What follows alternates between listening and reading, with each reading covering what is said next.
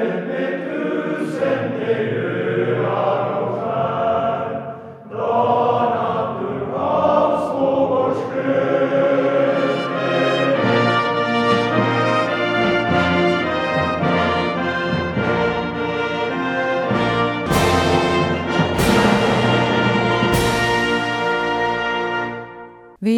årsskiftet var det tio år sedan Åland tillsammans med Finland, Sverige och Österrike tog steget in i den europeiska gemenskapen EG, idag EU. Det är då dags för Ålands lagtings EU-omröstning.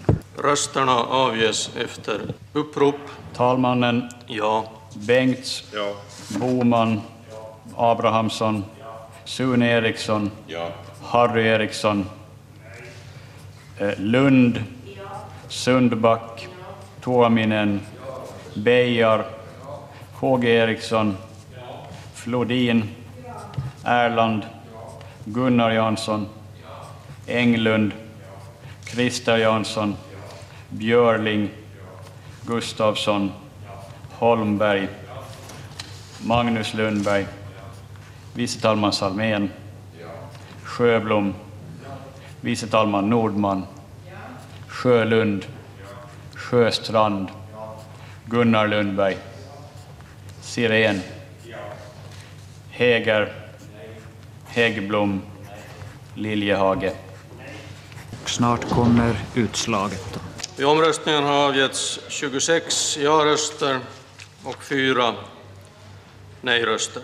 Lagtinget har sålunda med i 69 paragrafen självstyrelselagen erforderlig majoritet lämnat sitt bifall till att lagen om godkännande av vissa bestämmelser i fördraget om Finlands anslutning till Europeiska unionen träder i kraft i landskapet Åland till de delar fördraget innebär avvikelse från självstyrelselagen.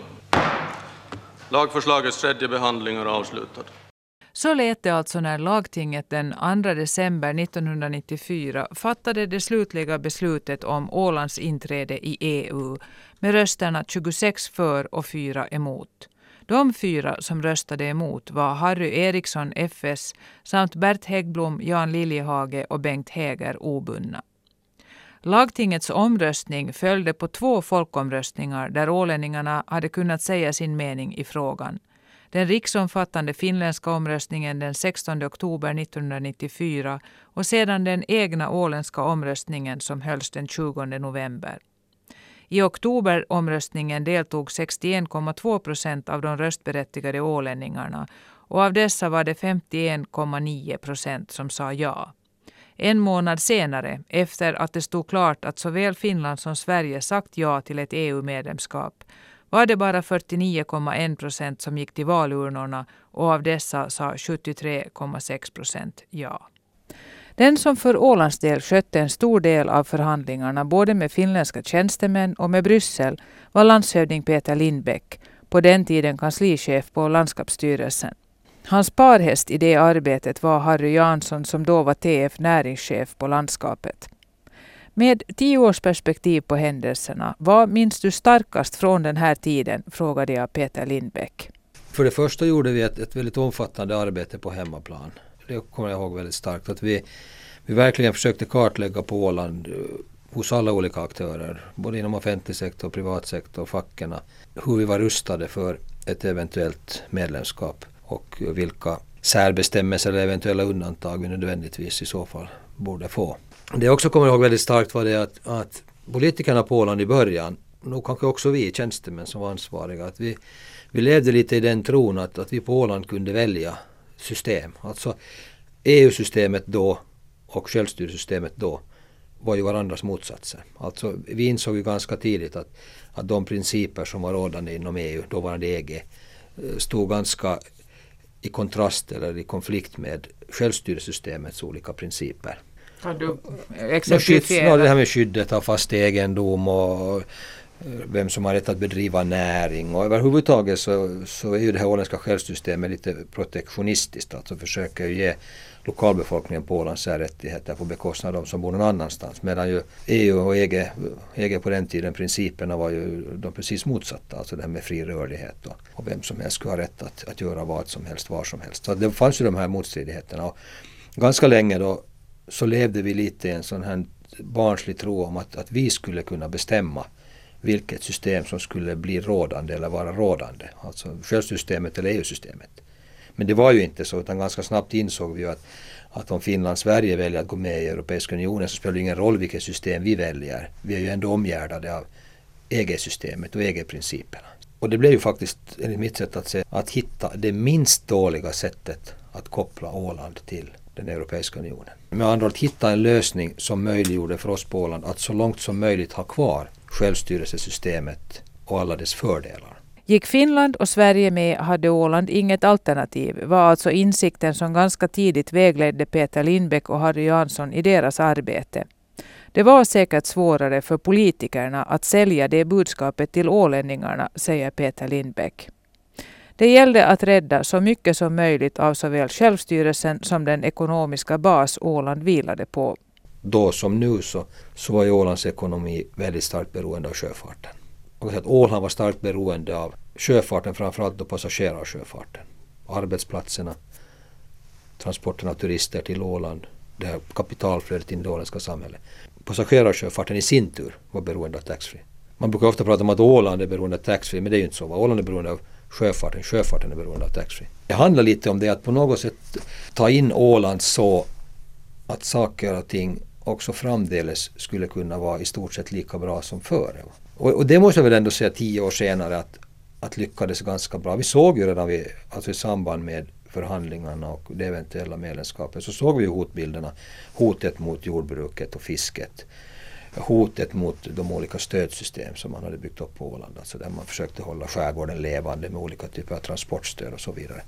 Att vi såg de här hotbilderna men vi försökte alltså på olika sätt ändå hitta en koppling som skulle göra att, att Åland i det stora hela skulle kunna fortsätta leva och verka som förut. Ännu innan vi går vidare på de här hotbilderna så tänkte jag det här med, med politikerna. Att, att hade ni som som förhandlare och som tjänstemän entydiga riktlinjer ifrån politikerhåll. När, när man bläddrar i gamla tidningar så får man intrycket av att det fanns nog ganska spretigt med åsikter också bland politikerna, åtminstone i inledningsskedet av den här processen.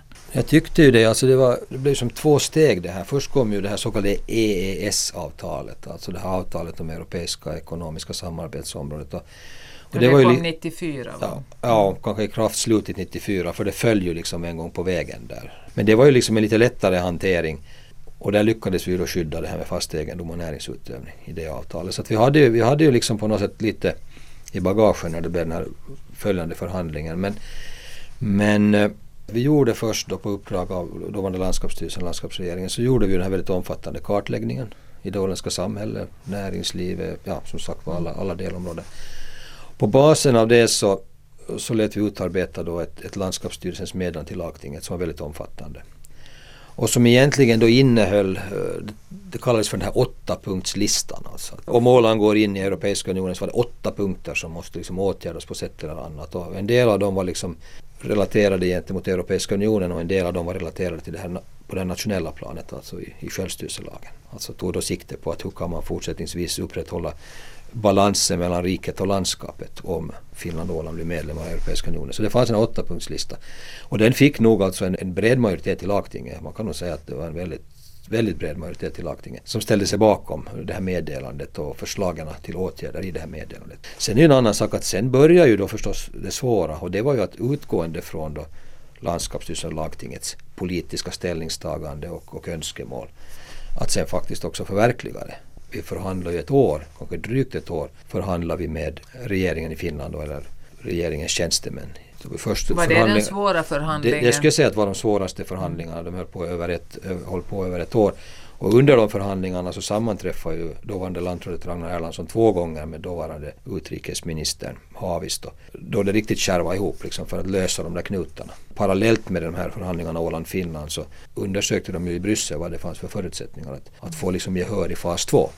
Var fanns de största knutarna i de förhandlingarna med Finland? Vad var det som var, när, när krävdes det möten på ministernivå? No, dels var det det som sen kom att bli det så kallade skatteundantaget. Det var nog väldigt svårt väldigt länge att få gehör för, för de här önskemålen. Man hänvisar ju mycket till att, att vi ju inte hade då egen behörighet, beskattningsbehörighet eller behörighet beträffande nationella skatter och avgifter. Det som då lite spelade oss i händerna var ju det att, att en tidigare justitieminister, Hannele Pokka, hade låtit tillsätta den här Olle Olsson-gruppen som gjorde en sån här ekonomisk utredning då som nu har gjorts på nytt nu. I den kunde man ju lite läsa att, att, att det fanns en viss vilja eller, ja, hos, hos rikets statsmakten att, att resonera om en eventuell egen Ålands beskattningsbehörighet. Och det passade oss bra i det här sammanhanget för då kunde vi ju säga att det är väldigt viktigt att Åland hålls utanför EUs skatteharmonisering eftersom vi eventuellt på sikt kanske får en egen beskattningsbehörighet. Och vi pekar ju också på det att, att där taxfree i trafiken till och från Åland kanske minskar i betydelse så måste Åland åtminstone rent teoretiskt ha ett spelrum i den landbaserade beskattningen. Och det där var en svår fråga. Sen den andra, den andra väldigt, väldigt svåra frågan för, för Helsingfors det var ju att vi från Ålands sida ansåg att det var väldigt viktigt att man i något sammanhang skulle lyfta fram den åländska demilitariseringen och neutraliseringen. Alltså att, att man från Finlands sida då gentemot Europeiska unionen i förhandlingarna skulle lyfta fram så att säga Ålands folkrättsliga ställning men också så att säga den här demilitariseringen och neutraliseringen. Och särskilt den var, den var väldigt problematisk.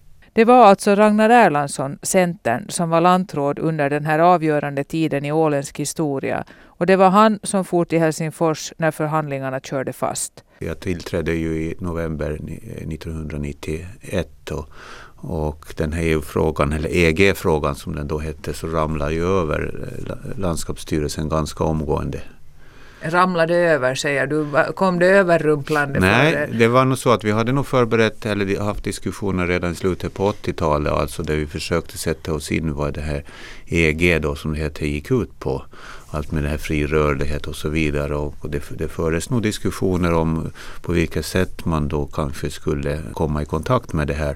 Men sen gick det ju så då att eh, Sverige helt plötsligt kastade in en medlemsansökan. Det var väl regeringen Ingvar Carlsson. Och det här tog ju Finland på säng och Finland tog president eh, Koivisto tog mycket illa upp över den här plötsliga ansökan från Sverige eftersom man inte hade haft några diskussioner länderna emellan.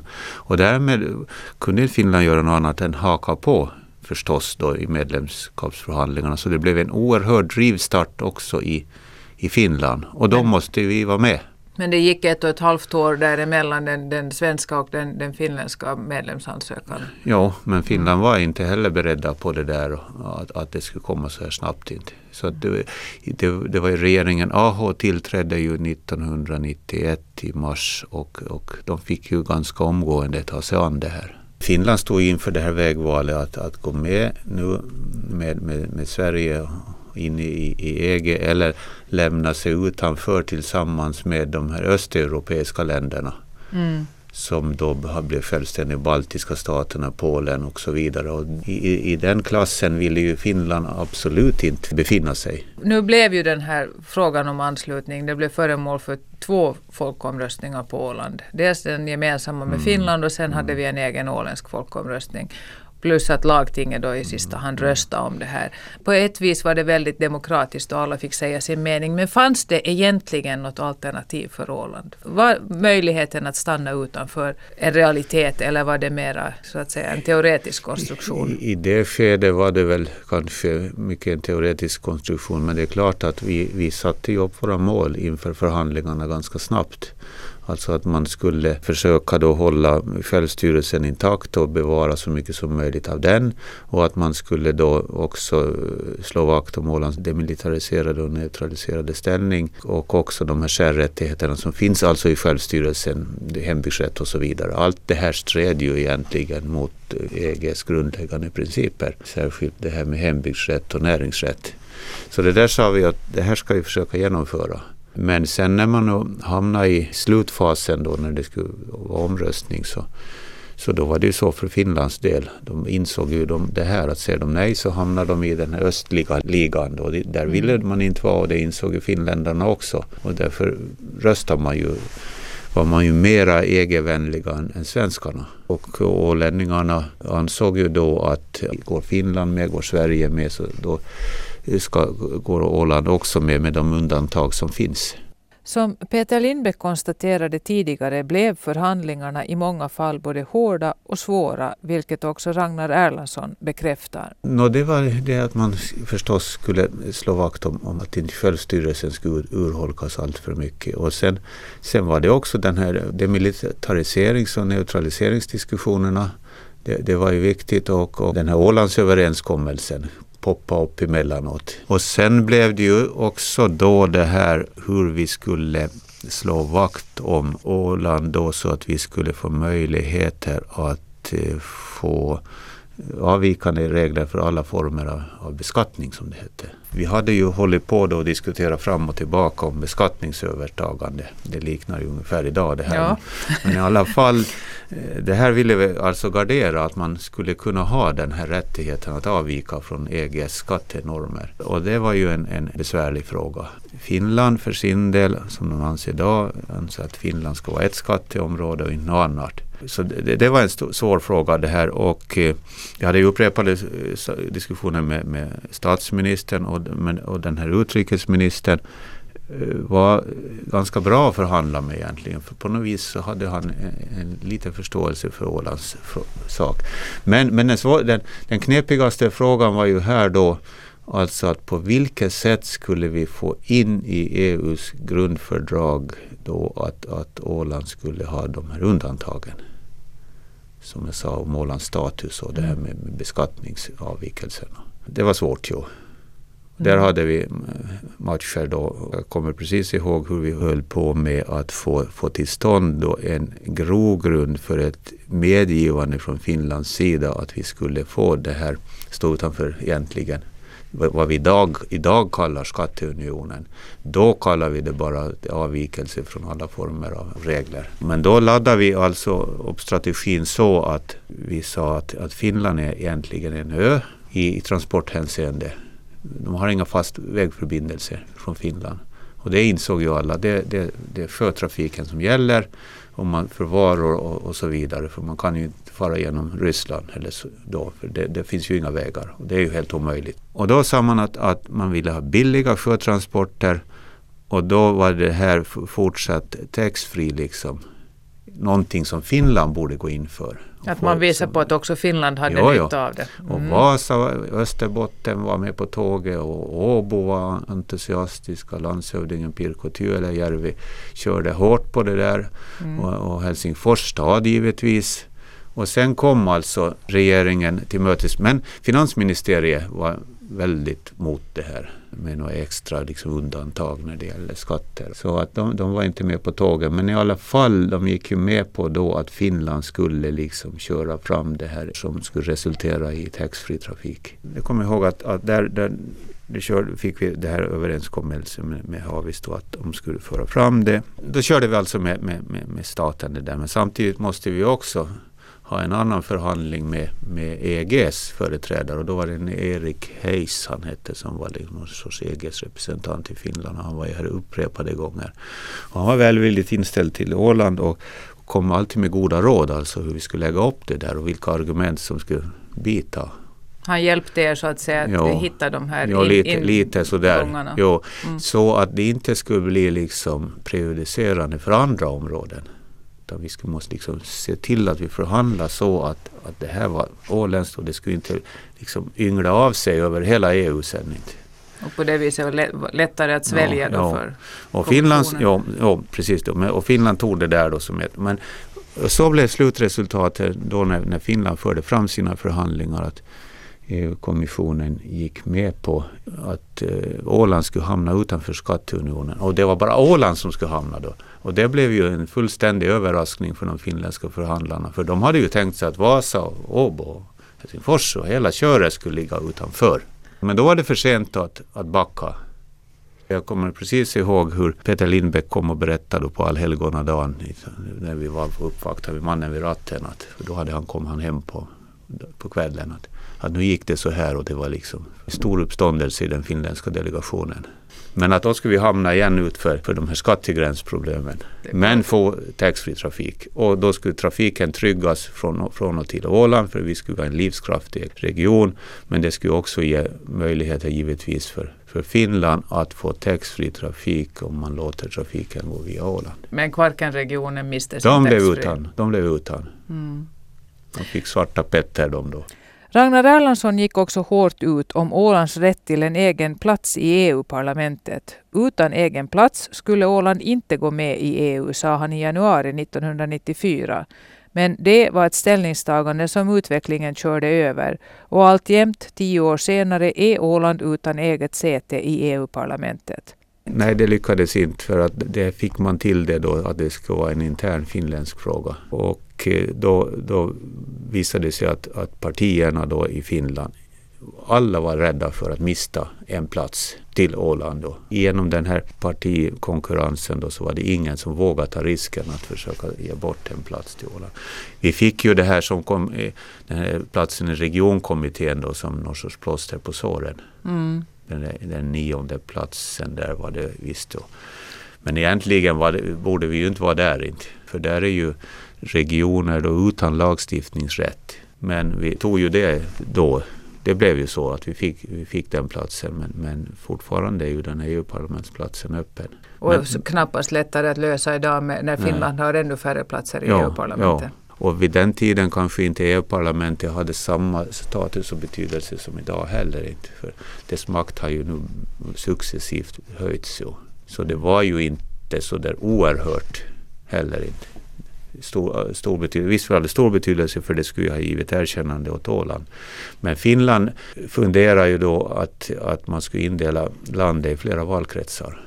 Och då skulle det ha hjälpt oss betydligt att få Åland som en egen valkrets precis som i, i riksdagsvalet. Mm. Jo. Men, att, Så gick det inte. men- men det vågar inte partierna göra heller inte. Det var ett rikshänsyn utan de ville ha allt i, i, i en valkrets och, och idag som är så har det lett till då att, att alla utom två är, är från egentligen den här södra Finland i EU-parlamentet. För där finns folket. Men den parlamentsplatsen den har man ju drivit då konsekvent från början eh, till slut tänkte jag säga. Man driver den frågan fortfarande. Det tycker jag är bra för det har varit, den har varit ett otroligt bra lokomotiv om man säger så. Alltså tack vare det att man så starkt från Ålands sida har krävt plats i EU-parlamentet så har man istället fått en massa annat. Alltså efter att det stod klart att Åland då skulle bli medlem av Europeiska unionen med de särskilda undantag som finns i Ålandsprotokollet. Så genast efter det så, tillsatte man en arbetsgrupp som skulle se över behovet av ändringar i självstyrelselagen på grund av medlemskapet. I den arbetsgruppen ingick då eh, lagtingets kanslisekreterare Lars-Ingmar Johansson och jag från Ålands sida då. Och där var det väldigt lätt för oss för att, att få in bestämmelser som, som till exempel gav Åland rätt att ha en egen tjänsteman i Finlands representation i Bryssel, en plats i regionkommittén. Det att Åland då fullt ut ska få delta, eller självstyrelsen fullt ut ska få delta i all beredning av, av EU-ärenden i Helsingfors och, och sen på Åland då verkställa EGs då gemensamma politik. På något sätt den här liksom starka fokuseringen, starka kravet om den här parlamentsplatsen, vilket man så att säga inte var beredd att ge Åland, så försökte man på alla möjliga och omöjliga sätt kompensera. Så det här gav liksom, en, den här parlamentsplatsen har givit och gav då framförallt en bra draghjälp att få mycket annat. Det inflytande som man har eftersträvat så det, det har man inte fått via de här andra kanalerna ändå anses det ju i debatten idag. Att det kompenserar inte fullt ut. Värdet av en sån här parlamentsplats det är ju väldigt svårt att, att sia om. En plats i sig tror jag inte att väger så starkt eller betyder så mycket utan det är ju förstås innehavaren. Om det är en bra innehavare av en sån här plats i parlamentet så kan den personen säkert åstadkomma en hel del. Det här med att landskapsregeringen har en egen tjänsteman vid Finlands permanenta representation det, det ser ju jag som en väldigt stor sak. Alltså det är ju att ha raka kanaler in i systemet och raka kanaler ut ur systemet. Det öppnar ju upp för, för landskapsregeringen att ha en bra inblick i och kunna föra in information i EU-institutioner och sen omvänt och att få ut, få ut information och få den hem sen. Peter Lindbäck konstaterar att det grundläggande problemet med Ålands EU-anslutning egentligen var juridiskt, även om förhandlingarna och den offentliga diskussionen huvudsakligen fördes på det politiska planet. Det allra största problemet var nog alltså mera så här juridiskt tekniskt och, och det är ju det att, att egentligen var det omöjligt för Åland att bli medlem av Europeiska unionen. Därför för att EUs grundfördrag så vidkänner ju endast medlemsstater. Jag känner inte till medlemsstater som inom sig skulle ha självständiga stater. Alltså, om du tänker dig på det nationella planet enligt självstyrelselagen så är det ju faktiskt så att, att Åland är som en stat i staten. På de områden där Åland har egen behörighet så fungerar Åland som en självständig stat. Och det här är ju ganska unikt. Annars är det ju ofta så att så här länder har, där man har självstyrande regioner så är det, har ju alltid federalistiska drag. Alltså att det är ändå alltid centralmakten i sista hand va, som kan bestämma. Men så är det ju inte alltså i fallet Finland och Åland. Alltså Åland har en självstyrelse och på de områdena är Åland som en självständig stat. Va. Så är det på det nationella planet. Men EUs grundfördrag vidkänner inte och har inte regleringar som är anpassade för en sån här nationell situation. Det finns alltså en konflikt mellan EUs grundfördrag å ena sidan och självstyrelsesystemet, självstyrelselagens uppbyggnad å andra sidan.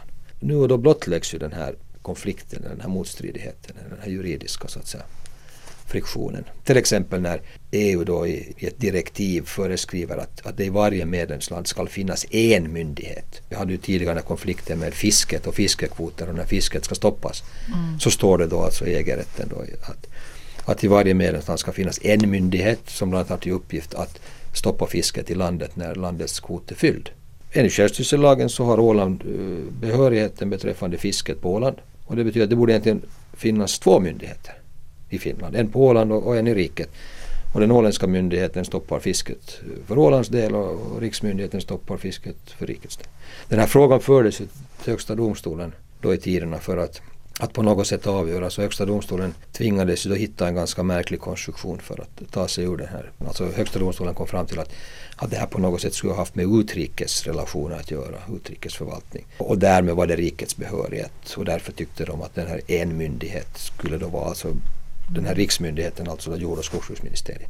Men det är det här jag menar. Men, men det EU, EU handlar ju alltså inte, det handlar lika mycket om politik som om juridik. Va? Så, så om man anser, och som man ansåg då att det var politiskt viktigt att få in Åland i EU så fick liksom det gå före det, det faktum att det kanske inte juridiskt var mm. sådär riktigt möjligt. Fisket nämnde du här och det var en av de sektorer av, av det åländska näringslivet där man såg mycket hotbilder. Mm. Jordbruket var en annan.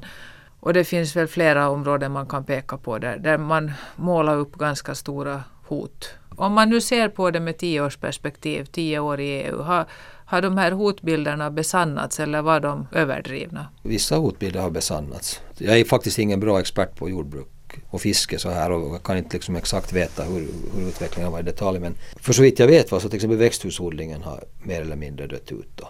Sen en annan sak som vi nu var jätteoroliga för att skulle gå, gå i graven det var ju äppelodlingen men det gick precis tvärtom. Eller inte precis tvärtom men, men där inträffade det här intressanta fenomenet då att i Finland och på Åland så, så, så vill man äta inhemska äpplen även om de är dyrare. Va?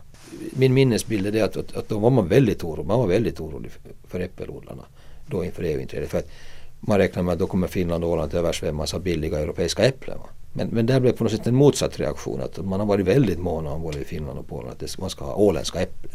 Även om de är dyrare än, än de andra. Så, så där lite kan man veta om, om hur saker och ting går. Men totalt sett så måste man ändå anse att, att när det gäller fisket och jordbruket så visst, visst har det blivit försämringar. Mm. Alldeles klart. Men, men kanske då inte så snabbt och, och, och, i så hög grad som, som man kanske befarar. Ja, att sia om framtiden är som Peter Lindbäck konstaterar alltid vanskligt. Det kan alltså gå precis tvärtom. Finns det då sådant som har hänt till följd av EU-inträdet som man trots sina grundliga analyser inte hade väntat sig? Peter Lindbäck nämner två helt skilda företeelser. Det är ju en fråga som ofta diskuteras och debatteras och som man strider om. Hur det egentligen gick till och hur, hur man egentligen förhandlade. Och det är ju det här med vårjakt på sjöfågel. Europeiska unionen det är, ju liksom, det är ju en levande process. Det är ju en ständig förändring inom Europeiska unionen. Det är fel att tro nu, lika, lika fel som det var att tro då, att, att, liksom, att när man ansluter sig till Europeiska unionen så ansluter man sig till något som sen från och med den dagen är statiskt. Ingenting förändras. När man förhandlar om medlemskap så går det till på det sättet att ansöka landet, i det här fallet Finland och Åland då. All vår lagstiftning lästes mot gällande EG-rätt. Och bland annat då vår jaktlagstiftning lästes och kontrollerades mot fågeldirektivet så som det såg ut då. Vid den här läsningen och vid den här granskningen så var man överens från bägge sidor då, också från EU-sidan att jo, den finländska jaktlagstiftningen och åländska jaktlagstiftningen är inte oförenlig med EG-rätten, bland annat fågeldirektivet. I en sån situation så kan man ju inte gå och försöka kräva undantag i förhållande till EUs Någonting som man inte ser som ett problem. Nej, nej. Nej. För det skulle jag krävt då att, att, att man skulle ha sagt att den här vårjakten på sjöfågel på Åland den är i strid med fågeldirektivet. Men därför vill vi ha ett undantag som möjliggör att vi fortsättningsvis kan skjuta sjöfågel. Men det kunde vi inte göra varför att man klarerade det från kommissionens sida. Att, ja, Mm. Men fågel- fanns den misstanken? det klart det var snudd, alltså, därför fokuserar vi mycket på det här. Men då menar man från kommissionens sida att ja, så som direktivet är utformat och så som det har tolkats av EU-domstolen så här långt så är detta inte problematiskt bara man på Åland har en någorlunda bra kontroll, eller har en bra kontroll över den här jakten. Vad som har hänt efteråt så är det att det har kommit fler och fler EU-domstolens avgöranden där fågeldirektivet har så att säga varit grund, alltså grund för kommit nya avgörandet. pre- prejudikat. Nya prejudikat och mer och mer stränga prejudikat. Alltså, det är så att EU-domstolen är också väldigt mycket så att säga en sån här uttolkare av EG-rätten och styr ofta så att säga EG-rätten och hur den ska förstås. Så man kan säga att när det gäller fågeldirektivet så har EU-domstolen tillämpat det allt mer strängt och strängt och strängt. När det här har inträffat då att, att något annat rättsfall där fågeldirektivet varit grund för avgörandet har gällt någon jackkaka på fåglar i Mellaneuropa och någon annanstans så har ju kommissionen varse blivit oj att, att nu har EU-domstolens syn på hur fågeldirektivet ska förstås stringerats högst avsevärt. Och det här har ju då gjort att, att kommissionen sen då börjar, åter börjat fokusera på bland annat den åländska vårjakten på sjöfågel. Det här är en sak. Man kan säga att ble, lurar vi oss, trodde vi fel va? Det gjorde vi egentligen inte. Va? Men därför att vi kanske trodde att har den en gång blivit klarerad så då gäller det för all framtid. Va? Men så fungerar det inte. Sen den andra så var, var vi väl, man får väl säga då att vi, att vi delvis alltså missbedömde. Och det är ju när, när det gäller skatteundantaget. Så visste ju vi då att, att om Åland får ett skatteundantag på det sätt som det då förelåg. Då visste vi att då kommer vi att ha en, en, en skattegräns mellan Åland och Sverige och kommer också att få en mellan Åland och Finland. Då, då ställer vi oss frågan, hur ser den skattegränsen ut? Jo, i förhållande till Sverige så ser den ut precis så som förut. Va? Före EU-medlemskapet så levde vi ju i EFTA och det gjorde vi också enligt EES-avtalet. Då bildade vi ju tullunion med, med hela EG-området. Va? Man har ingen tullgräns men man har en skattegräns. Och då bedömde vi att ja okej så, så det betyder med andra att om vi får det här skatteundantaget så kommer vi att bedriva handel med Sverige så som förut, precis som förut. Kör ingen förändring. Va? Mot Finland blir det den förändringen att, att mellan Åland och Finland så kommer den här handeln att måste bedrivas på samma sätt som vi tidigare har bedrivit mot Sverige. Och det har ju egentligen aldrig varit något problem. Vi kanske underskatta den reaktion som skulle komma med anledning av den här nya skattegränsen mellan Åland och riket. Alltså. Reaktion från vem? Från näringslivet på Åland och från åländska allmänheten, det var ju, det var ju väldigt hallå. Det var ju många som var väldigt upprörda över det här. Att där kanske vi gjorde då det, det misstaget. Vi tänkte att ja, men Åland och det åländska näringslivet har ju mer eller mindre problemfritt bedrivit handel med Sverige under långa, långa tider, under hela eftertiden. Där funnits en skattegräns där med den byråkrati det innebär. Och vi tänkte att, att om det nu då till äventyrs uppstår en liknande gräns mellan Åland och Finland så kan det väl knappast vara något problem för det åländska näringslivet, ålänningarna, att, att forcera eller klara av det. Eftersom man har lång erfarenhet av det. Den fick nog alltså i början så hade den nog kanske mycket, mycket mer emotionella, alltså det var mycket mer de här emotionella, känslomässiga reaktionerna. Alltså där man får, hade varit van på Åland att, att mellan Åland och Finland så finns det inga gränser. Ingen som var med när det begav sig för tio år sedan ska idag komma och hävda att den inte förstod att resultatet av fortsatt taxfree skulle bli en skattegräns mot riket. Det säger Peter Lindbäck med eftertryck. Efter att förhandlingarna var färdiga så redovisar man i tre olika meddelanden under 94 så med, redovisar landskapsstyrelsen inför lagtinget så att säga, konsekvenserna av ett medlemskap enligt det uppnådda förhandlingsresultatet. Vi till och med redovisat vilka, hur skulle konsekvenserna kunna bli ifall Åland skulle säga nej. Men det som jag säger, jag tror att, att vi alla, inte bara vi tjänstemän utan politiker, alla involverade alltså, vi underskattar förmodligen, eller bevisligen underskattar vi, den reaktion som skulle komma på det faktum att det restes en skattegräns mellan Åland och riket. Men det var väldigt långt alltså emotionell, känslomässig. Men att säga att vi, att vi inte visste att den skulle komma, det visste vi bevisligen alltså, men vi underskattade reaktionerna. Det ska jag väl ärligt tillstå. Men vi har ju jobbat mycket med den här gränsen efter det. Va? Många olika repriser och försökt få den så osynligt som möjligt.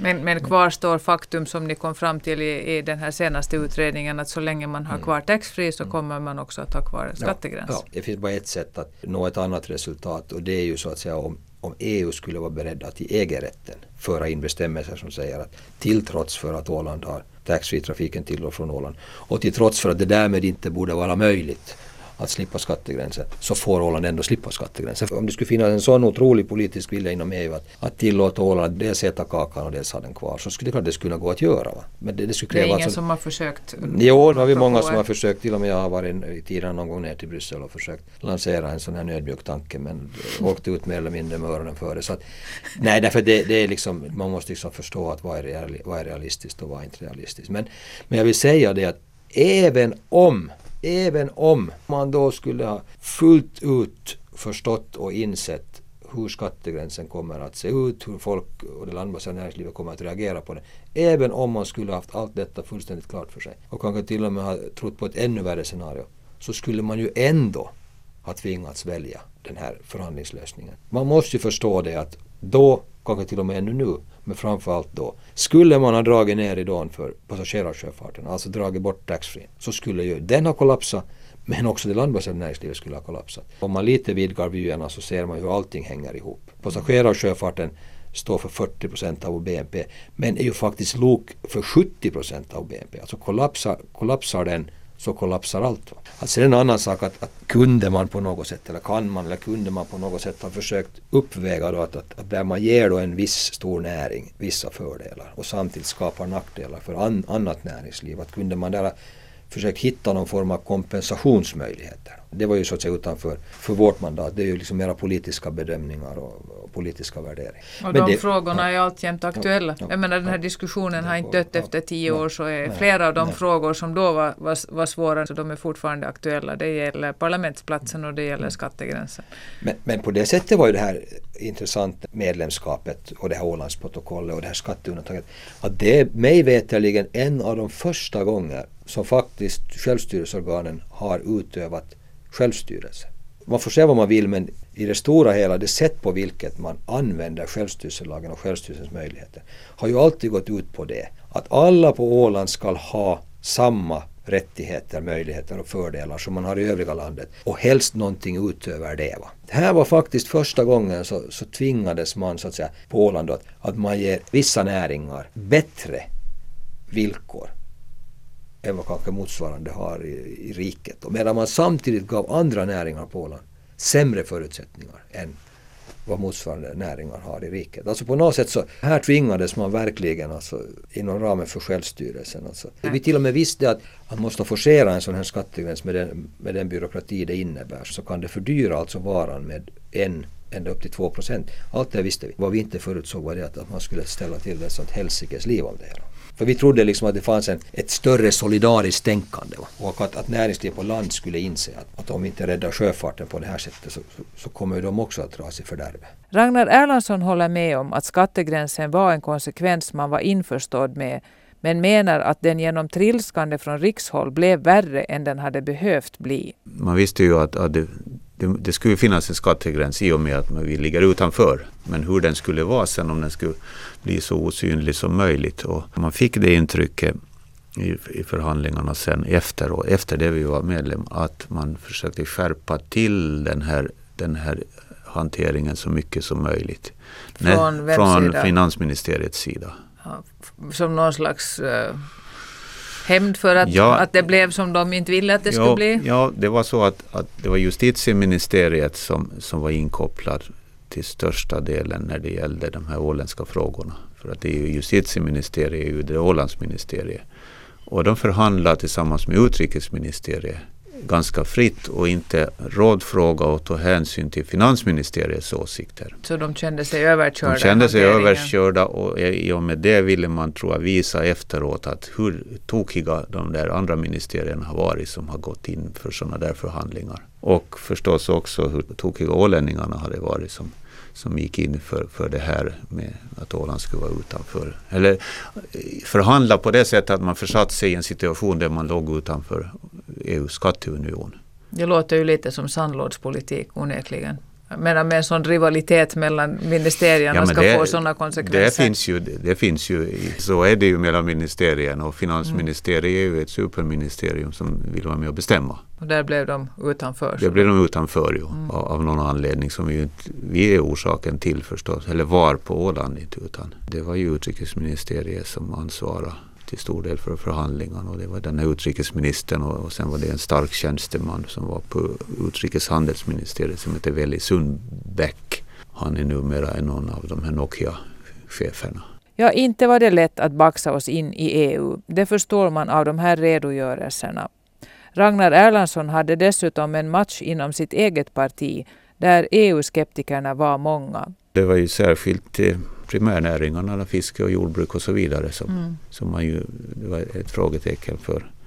Och, det, och då var det ju mycket frågan om här hur man i självstyrelselagen skulle reglera de här EU-frågorna om, om man skulle föra över det, dem till Åland helt och hållet för det fanns alltså blandade behörighetsområden där. Men att eh, vi kom väl underfund med att det åländska jordbruket kan inte stå utanför EU heller. För då, ja, då har, faller ju stödmöjligheterna bort. Utan vi räknar väl sen tillsammans med, eller vi gick in sen tillsammans med Ålands producentförbund och, och SLC och MTK att, att Åland då skulle gå med, med på enahanda villkor som, som andra delar av Finland när det gäller jordbruket. Mm. Och, och, och, och, det var nog jordbruksorganisationen på Åland som fällde det avgörande. De vågade inte liksom gå på sidan. Eftersom Finland är en stor och viktig marknad ja, för åländska ja, jordbruksprodukter. Ja. Så att sist och slutligen var, blev det ju det valet då. Men skulle producent och, och SLC ha sagt att nu, ska, nu får ni stå på sidan så då är det frågan om om det inte skulle ha gått så. Men det är sen frågan till, hur skulle det ha gått idag? Jag menar med, med EUs miljökrav och så vidare. De har ju antagligen funnits kvar. Det var ju aldrig tidigare, aldrig tal om att vi skulle ha avvikande bestämmelser när det gäller miljön här på Åland. Att vi skulle kunna eh, skita ner hur mycket som helst. Det är ju alltid intressant att spekulera om hur det kunde ha gått. Om, om vi hade blivit utanför. Det är ju fri, fritt fantiserande på, på sätt och vis kan man säga. Men om du fick vrida klockan tillbaka, är det någonting av, av det som gjordes då som du skulle vilja göra annorlunda om du fick göra det idag? Ja, man kunde ha varit mer vaksam då med, med vissa saker som man vet att, att det här detaljstyrningen inom olika områden så att man, man, man ska få lite mer förnuft i, i tillämpningen av EG-direktiven på något vis. Det, och det var vi nog inte riktigt medvetna om att, att EUs regelverk skulle ha sån oerhörd genomslagskraft att, att den liksom skulle påverka in i minsta detalj överallt. Mm. Men fanns det Både ladugårdar, skolkök och överallt så skulle det där komma in. Ja. ja. men hade det funnits för, förhandlingsmål där? Det är möjligt att det har, att det har funnits det men då var vi på Åland, liksom vi ja, trots allt ganska förnuftiga ibland och tänkte att sådana, sådana där horribla saker så kan ju i alla fall inte inträffa att man ska måste börja reglera gurkornas storlek och tomater och äppel och allt i minsta detalj. Det var nog en herreman från, som var här och varnade för det. Men det blev nästan lite så där det blev cirkusnummer av, av hans föreställning på, på Naturbruksskolan. Han tog upp allt det här. För han kunde, kunde säga att det, där, så där kan det i alla fall Ingen kunde tro att, no, nej, att något skulle vara så nej, vansinnigt. Nej, men att eh, det där borde vi ju ha på något vis kanske kunna parera att, att i tillämpningshänseende så skulle vi inte ha behövt följt, följa allt riktigt. Men jag vet inte heller hur det skulle ha byggts upp det där då. Inte. När man läser, bläddrar i, i, i dagstidningar från de här, den här tiden så skrevs det ju en hel del ganska tillspetsade insändare där man ju argumenterar hej vilt, både de som var för och de som var emot och där, där det lyfts fram farhågor för det var någon som trodde att nu skulle Åland översvämmas av asbest och DDT och annat som nu skulle, allt ont som skulle drabba Åland om vi gick med i, i EG. Mm. Men av, av de mera sansade farhågor som, som då ventilerades på den tiden, har de flesta besannats eller var det no, några spöken som man målar på väggen i onödan? Ja, man skulle inte få hissa Ålands flagga och den där stilen utan allt skulle bli så övernationellt så det har ju inte besannats. Det, det gör ju alla medlemsländer hyllar sin fana och i den där stilen, nationalsånger och i den, det, det, är ju inte, det är ju fortfarande tillåtet. Mm. Sånt där fanns ju också. Men det var nog så att, att kanske debattörerna inte riktigt hade klart för sig riktigt heller vad, vad, vad EU gick ut på. Kanske vi inte har det ännu denna dag heller. Men i alla fall det där fredsprojektet, det, det var ju, tror jag nog, de flesta som tänkte efter hade det här klart för sig. Att, att det kanske var en möjlighet att få ett fredens Europa. Och det var väl, kanske vi inte på Åland riktigt tänkte på det för vi är så vana vid det här att vi inte har någon militär, ingen värnplikt och ingenting. Och vi har, har liksom det var liksom det som var på nej, ytan för Åland? Nej, inte riktigt inte. Men, men egentligen, det, det var väl en, stor drivkraft och väl fortfarande i Europa. Och till den delen har man ju lyckats ändå någorlunda. För mm. tidigare var det ju krig vart tjugonde år i Europa. Fredsprojektet EU får alltså godkänt så här långt, men annars finns det utvecklingstendenser som har gått helt på tvärs mot vad man förväntade sig då för tio år sedan. EGs direktiv, som det korrekt kan säga att det är idag, Eh, så liksom tränger ju in mer och mer i, i den nationella lagstiftningen och inklusive självstyrelsens kompetensområde. Så, så därför urholkas ju också medlemsstaternas självbestämmande rätt och till den del det berör Ålands behörighet så det är Ålands också. Så man märker ju till exempel att lagstiftningen i lagtinget idag, den fungerar inte på samma sätt som tidigare. Det kommer inga lätta lagar längre utan det, det är besvärliga lagkomplex som lyfts på bordet där man ska liksom först sitta och jämföra Ålands behörighet med enligt självstyrelselagen och sen ska man göra det enligt EU-rätten. Och det där är tycker jag tar hemskt mycket tid. För. Att det, det hämmar arbete hämmar arbete, jo. Man liksom fastnar i, i juridiska liksom, överväganden och inte så mycket i de sakliga frågorna. Har juristerna följaktligen fått mera makt än, än på, på politikernas bekostnad? Ja, åtminstone har de fått mycket mer arbete. Ja, men om det blir liksom väldigt så här fackinriktat så kan man tänka sig ja, att de tar, tar över mera reell makt från ja, politikerna. Det, det blir hemskt svårt liksom att, att säga vad som gäller sen. Och sen måste man ju parera det här då med uppföljningen av lagen gentemot Ålandsdelegationen och republikens president som ska vara med och, och granska det hela. Så mycket tid här på Åland går åt just till det här. Om vi, om vi tidigare hade bara självstyrelselagen som man skulle beakta så nu har man ju också det här EU mm. regelverket som man måste parera i, i de flesta sammanhang. Så, så det, där, det där tror jag vi in, ingen hade riktigt heller så det fullständigt klart för sig. Det du säger så här nu som så, vanlig politiker inte. Nej, nej. och det, det, du säger nu så kan man säga, det bekräftar ju egentligen den uppfattning som finns bland gemene man att mm. EU har byråkratiserat vår tillvaro på jo, alla plan. Ja. Och det där är ju det märkliga då att, att stora enheter skapar mycket byråkrati. Och när vi diskuterar andra reformer här på Åland så vill man ju slå ihop till exempel kommunerna för att få mindre byråkrati. Tittar man på då utvecklingen här så, borde, så bli, kommer det inte att bli någon mindre byråkrati och det påminner jag ju om i lagtinget här i budgetdebatten att det blir inga mindre, det blir mera. Större enheter ger mer byråkrati. Det är således Ragnar Erlandssons erfarenhet av tio år i EU. Vi ska ge landshövding Peter Lindbäck sista ordet i det här första historiskt tillbakablickande programmet om Ålands inträde i EU för tio år sedan. Jag har en väldigt intressant episod som jag kommer ihåg. Som var från, jag skulle tro att det var där kring årsskiftet 93-94, bit in på 94. Alltså jag var då ombedd att komma och berätta. Det var alltså ett lantmanna, lantmanna gille i en åländsk kommun, jag ska inte berätta vilken, men de skulle ha årsmöte och jag var dit kallad och om jag där kunde komma och berätta lite om det här med Europeiska unionen och hur de här förhandlingarna nu hade lyckats och vart hen man hade nått och hur saker och ting såg ut. Och de var, jag tror de var sex personer på plats på det här årsmötet. Det var fem tillhörde styrelsen och så var det en utöver det. Så det var ingen särskilt stor församling. Och jag berättade det jag skulle berätta. Och, så där. och sen så var det en av de här närvarande som så sa han så här att Ja, sa han. En sak ska vi ha klart för oss. Vi borde arbeta för att Finland inte går med i Europeiska unionen så slipper vi också göra det. Men om Finland går med i Europeiska unionen så måste vi också göra det. För annars får vi äta våra jävla potatisar själva.